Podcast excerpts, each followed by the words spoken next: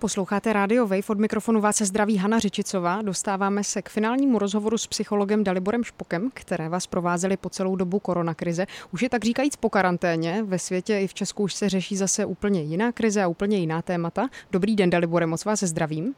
Dobrý den.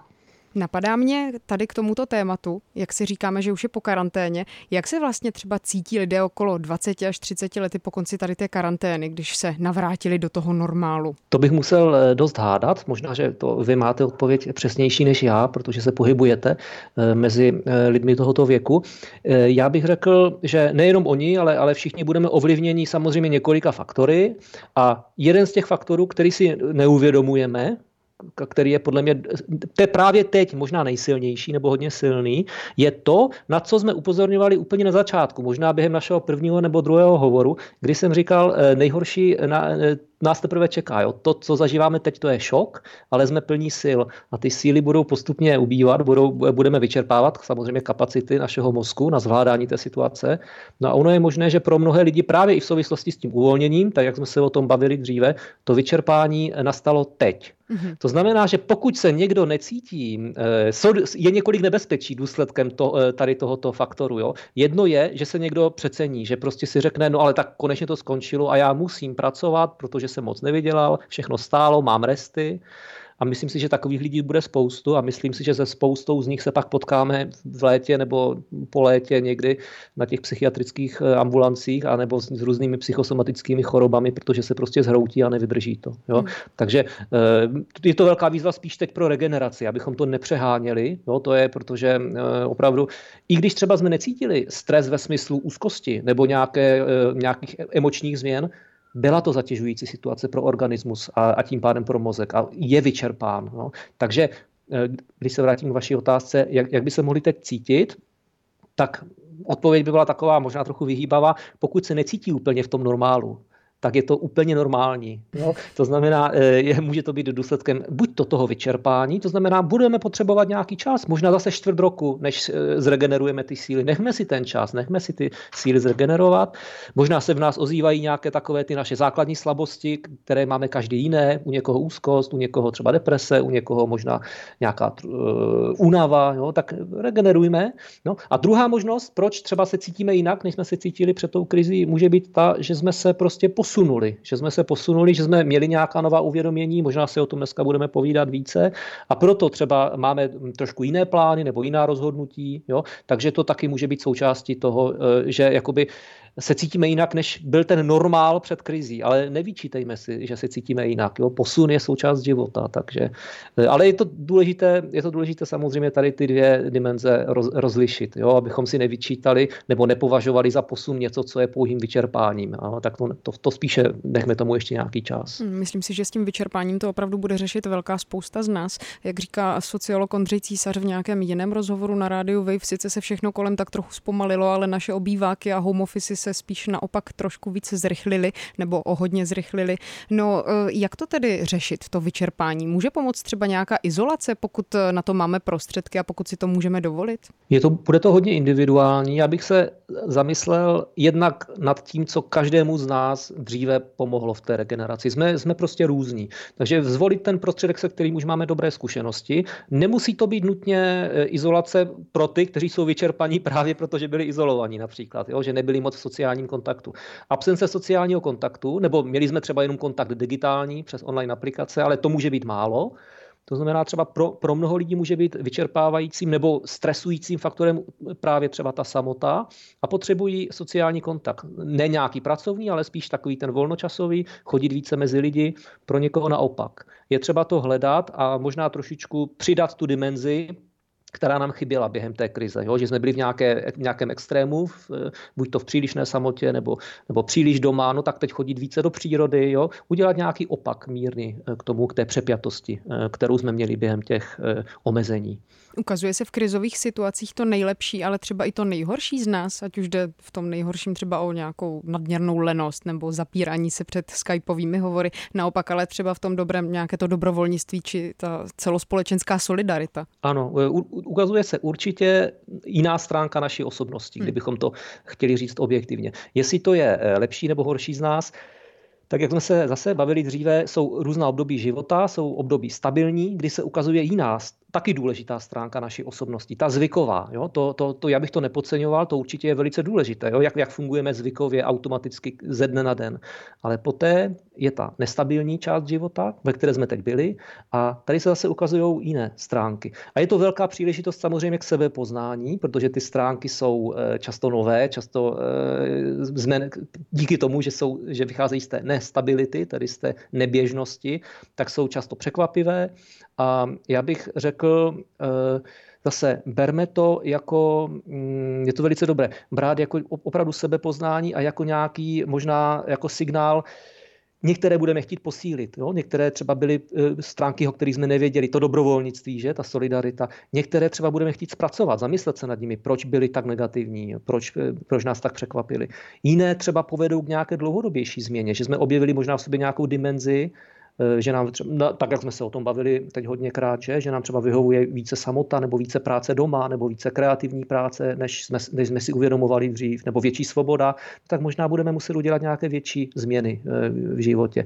Takže eh, určitě to byla velká příležitost pro sebepoznání a to sebepoznání, ale myslím si, že právě pramenilo z toho, že jsme se zažili jinak, že jsme každý sám sebe zažili hodně jinak. I v tom negativním, i v tom pozitivním. Takže se dá říct, že existuje tedy nějaká predikce toho, jak se budeme chovat, pokud to třeba nastane nastane znova, měli bychom si z toho něco vzít a něco odnést, tedy do budoucna.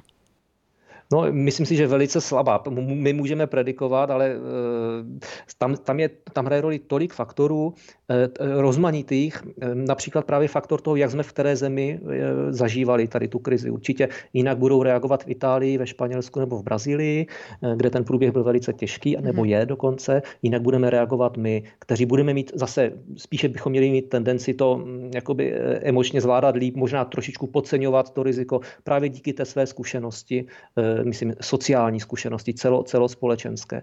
A druhý faktor bude zase ten, že, že eh, ty osobnosti, které mají snahu vše bagatelizovat, budou zase bagatelizovat i tu druhou vlnu a naopak ty úzkostnější se toho budou obávat. Takže je tam celá řada faktorů.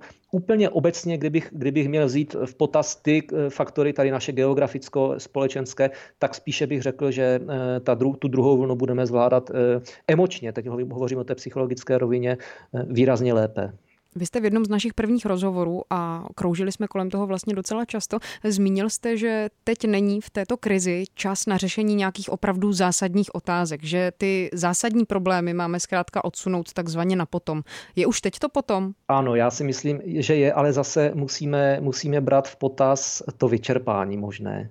Takže ještě ta krize, krize má různé fáze, že? Krize má různé fáze. Fáze šoku, fáze vyrovnávání se s krizí, ale potom taky fázi regenerace po té krizi, že? Pokud eh, třeba nám někdo umře, tak eh, je tam šok, je tam vyrovnávání se s tím umřením, ale ta regenerace, to načerpání sil, než se dostaneme zpět do toho takzvaného normálu, nějakou dobu trvá. Takže eh, asi záleží na, velikost, na velikosti toho problému. Pokud je to problém spíš běžnější, možná můžeme teď, pokud ne, tak ještě bych možná počkal s tou regenerací sil. Ono, ono všechno má samozřejmě svůj vhodný čas. On, je, je, je důležité to umět rozpoznat, ale zase neodkládat to, mm, ta, to odkládání, eh, já bych řekl, že a možná někteří z nás si to mohli zažít i právě během té krize, kdy odkládali eh, nějaké, nějaké rozhodnutí nebo nějaká řešení na později. Někdy to mohlo být dobré, mohlo to být v souvislosti právě s tím, že šetřím kapacity a mm, snažím se ty kapacity právě využívat eh, pro tu krizi, to je, v, to je v pořádku, ale někdy to může být prostě součást toho našeho odkládání jakoby celoživotního. Je to taková pro mnohé lidi celoživotní orientace, ona se pořád posouvá. Je to takové to, až vystuduju vysokou školu, tak budu dělat, tak, tak konečně něco, až jednou zkrátka. Jo? Lidé v produktivním věku, až budu v důchodu, tak budu více číst a budu se konečně věnovat těm koníčkům. Nebo teď vydělám peníze a až je budu mít vydělaný, tak budu konečně dělat to, co mám rád. To je obrovská iluze. A mnoho studií, mnoho studií to ukazuje, Eh, málo komu se to povede, protože zapomínáme na to, že až jednou nastane až, až to jednou mytické nastane, tak my budeme jiní, protože my jsme se změnili právě tím, že jsme těch 10 let vydělávali ty peníze, nebo těch 20 let pracovali a nečetli a tudíž už nás třeba ty knihy nezajímají, nebo ten koníček už nás zcela opustil, ten zájem o něj. My jsme se zkrátka změnili. Máme najednou jiné referenční skupiny, jiné, jiné skupiny známých. Jsou to ti lidé bohatí, ti, kteří, pro které jsou důležité peníze, když je, když je vyděláváme. Že? Nemáme ty známe v těch literárních kruzích a v kruzích svých koníčků. To znamená, je to, je to velká iluze a pozor na to, pozor na to. Takže teď vím, že trošku popírám sám, sám sebe. Eh, v té krizi samozřejmě teda odložím eh, řešení důležitých věcí nebo důležitých rozhodnutí, ale pozor, pozor na to, abych eh, jako se nedostal tady do toho často celoživotního odkládání na nějakou vhodnější příležitost. To je potom samozřejmě e, nějaká tendence mysli nebo strategie mysli, která se s náma táhne opravdu potom celý život a nikdy k tomu až jednou nedojde. No a jak se toho vyvarovat? Vyvarovat se, vyvarovat se prostě je dobré toho tím, že zkvalitňují přítomnost, mm-hmm. protože to až jednou, eh, no, nebo zkvalitňují přítomnost a samozřejmě mm, snažím se vytvářet relevantní systém hodnot, no, protože často, často to až jednou je symptomatické pro nějakou nevyváženost hodnotovou, jo, že teď musím vydělávat peníze mm, a po, potom bude čas žít. No to, to, to spíše svědčí o nějakém neúplně dobrém uh, pohledu, pohledu na jako, mm, vyrovnanost, na životní vyrovnanost. Jo. Málo kdy to tak je. Někdy ta, ta, ta, ta potřeba taková je, ale myslím si, že objektivně je uh, velice málo kdy. Takže rozlišov, tím rozlišováním, tím rozlišováním, jestli opravdu teď si nemohu dovolit tuto věc dělat, anebo je to spíše jenom nějaká výmluva, protože nějaká hodnota nebo nějaká potřeba ve mně přebujela. A často to právě souvisí ale s tím, že ona přebují například ta potřeba příliš vydělávat nebo příliš se věnovat pouze jedné oblasti života tak často přebují právě proto, že neumíme eh, kvalitně prožívat přítomnost, no, neumíme ji obsazovat různými oblastmi, různými potřebami, tak jak jsme si to konec konců o tom povídali v tom, v, té, v tom strukturování čase, někdy na začátku těch našich rozhovorů, tak toto může být další důsledek, jo? Že, si, že si myslím, že pouze tato potřeba může naplnit můj život v této přítomnosti nebo v této etapě mého života kvalitou nebo pozitivními prožitky. No, často tomu tak není. Často musím spíše zapojit jiné oblasti svého života, tím pádem zvětšit mm, spokojenost ve svém životě nyní, v přítomnosti, No a potom vlastně zjistím, že ty peníze teď až tak vydělávat nepotřebuji. No a, a, a věnuji se i těm ostatním oblastem svého života, které bych jinak měl tendenci odložit na e, někdy později.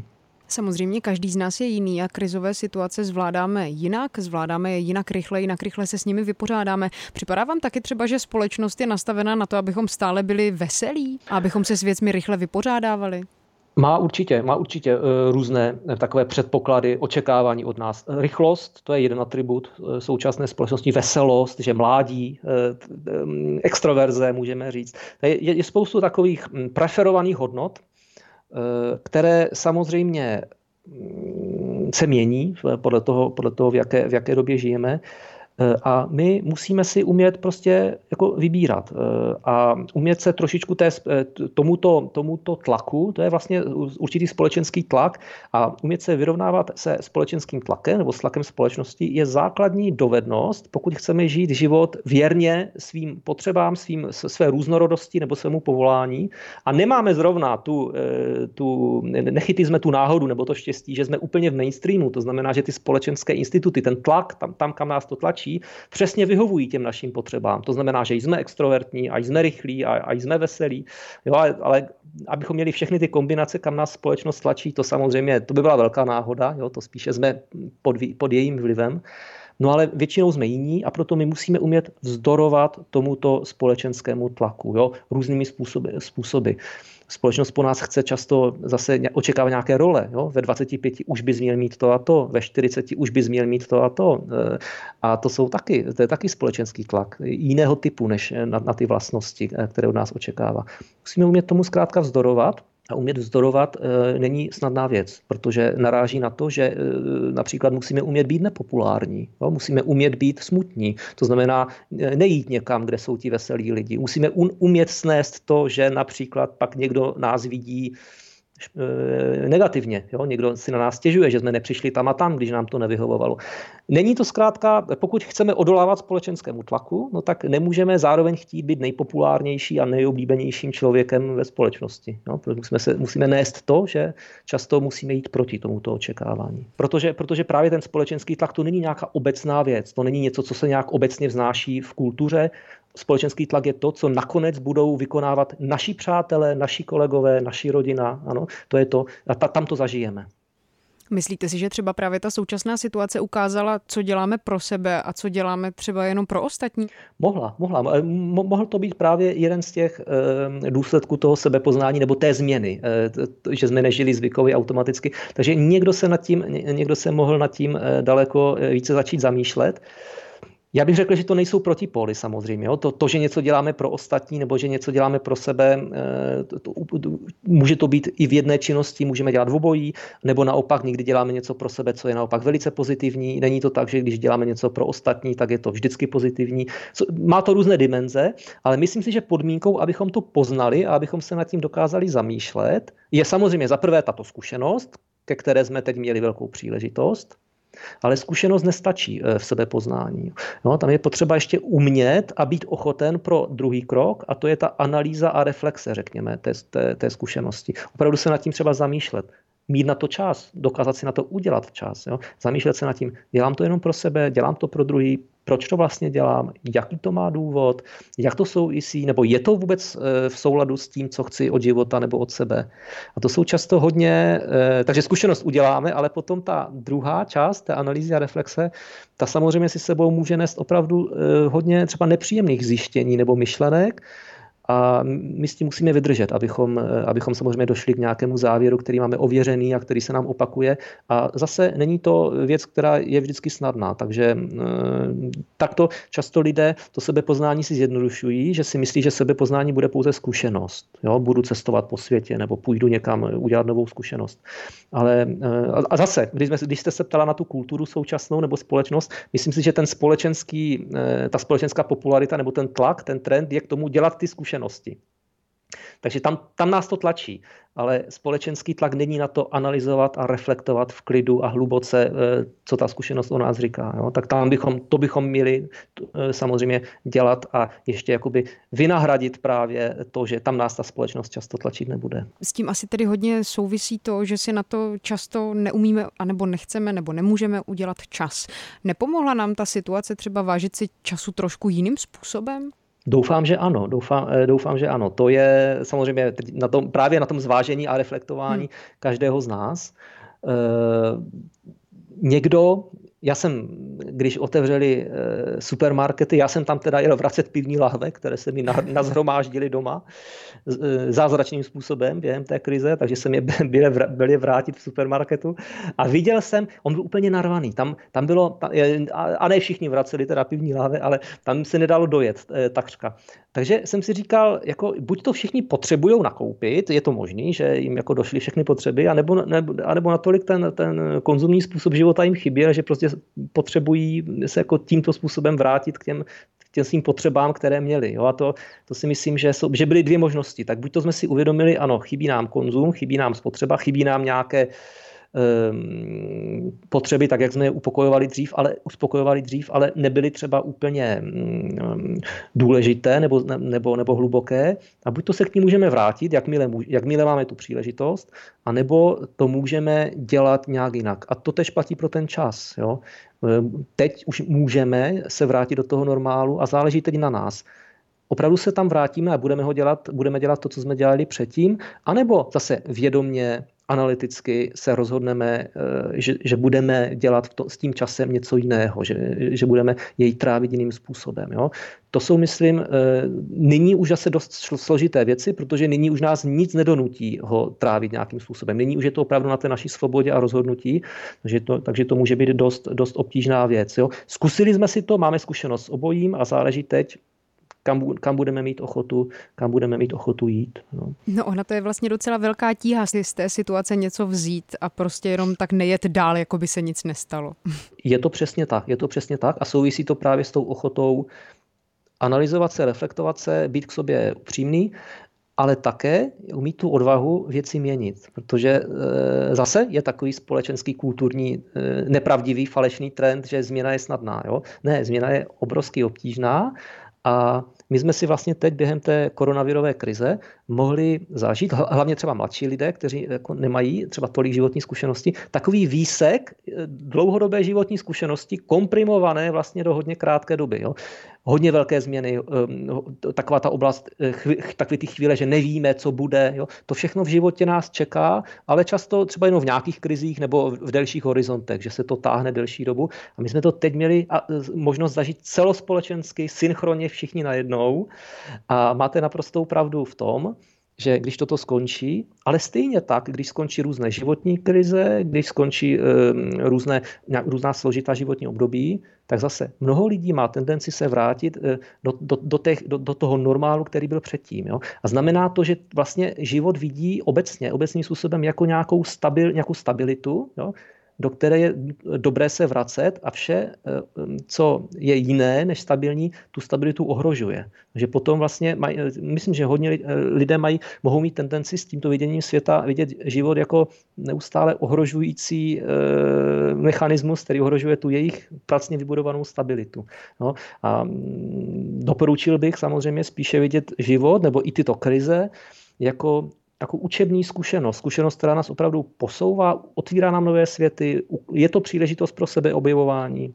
To samozřejmě neznamená, že, že, že se musíme nutně změnit, jo? Být, být takový ten obsedant ve změně a neustále chtít něco nového.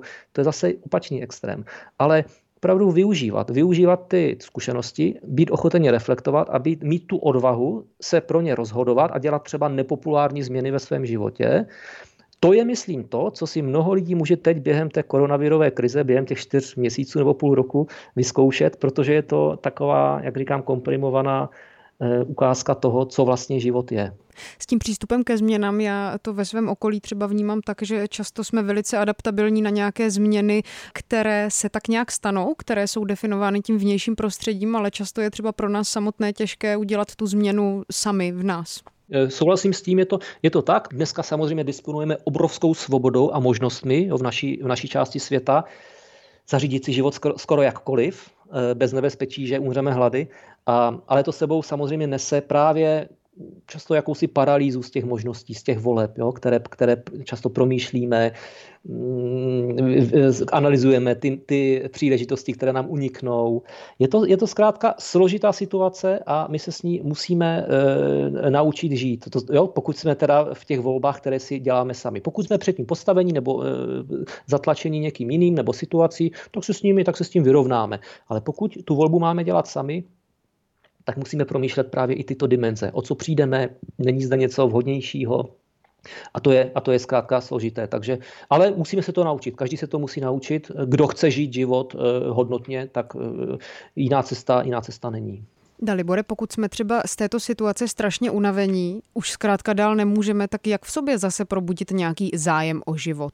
Záleží samozřejmě e, zase, každý jsme jiný. To znamená, pokud už někdo má e, se sebou tu zkušenost, že pokud se do takovéto situace dostane, tak je to spíše indikace nebo ukazatel nějaké deprese, například, myslím, i vážnější, tak jistě potom třeba to řešit i medicinálně nebo zajít, zajít lékaři ale mm, obecně bych řekl, pokud tuto zkušenost nemáme a spíše to souvisí eh, teď s tou krizí, eh, kterou máme za sebou, tak opravdu bych eh, doporučil hodně, hodně odpočívat a být na sebe hodní a uvědomit si, že prostě mm, neplatí to zase pro každého, ale je to tak často, že u těch psychosomatických projevů, únava je například, nebo, nebo, nebo bezmoc může být taky jeden z nich, že často ty tělesné příznaky psychosomatických projevů nebo onemocnění se odstraňují pomaleji a, a také pomaleji nastávají než ty mentální. Jo? Úzkost máme hned nebo, nebo naštvání máme hned, ale záda nás začnou bolet až po půl roce třeba, co s tím neoblíbeným kolegou jsme nuceni e, komunikovat. Jo?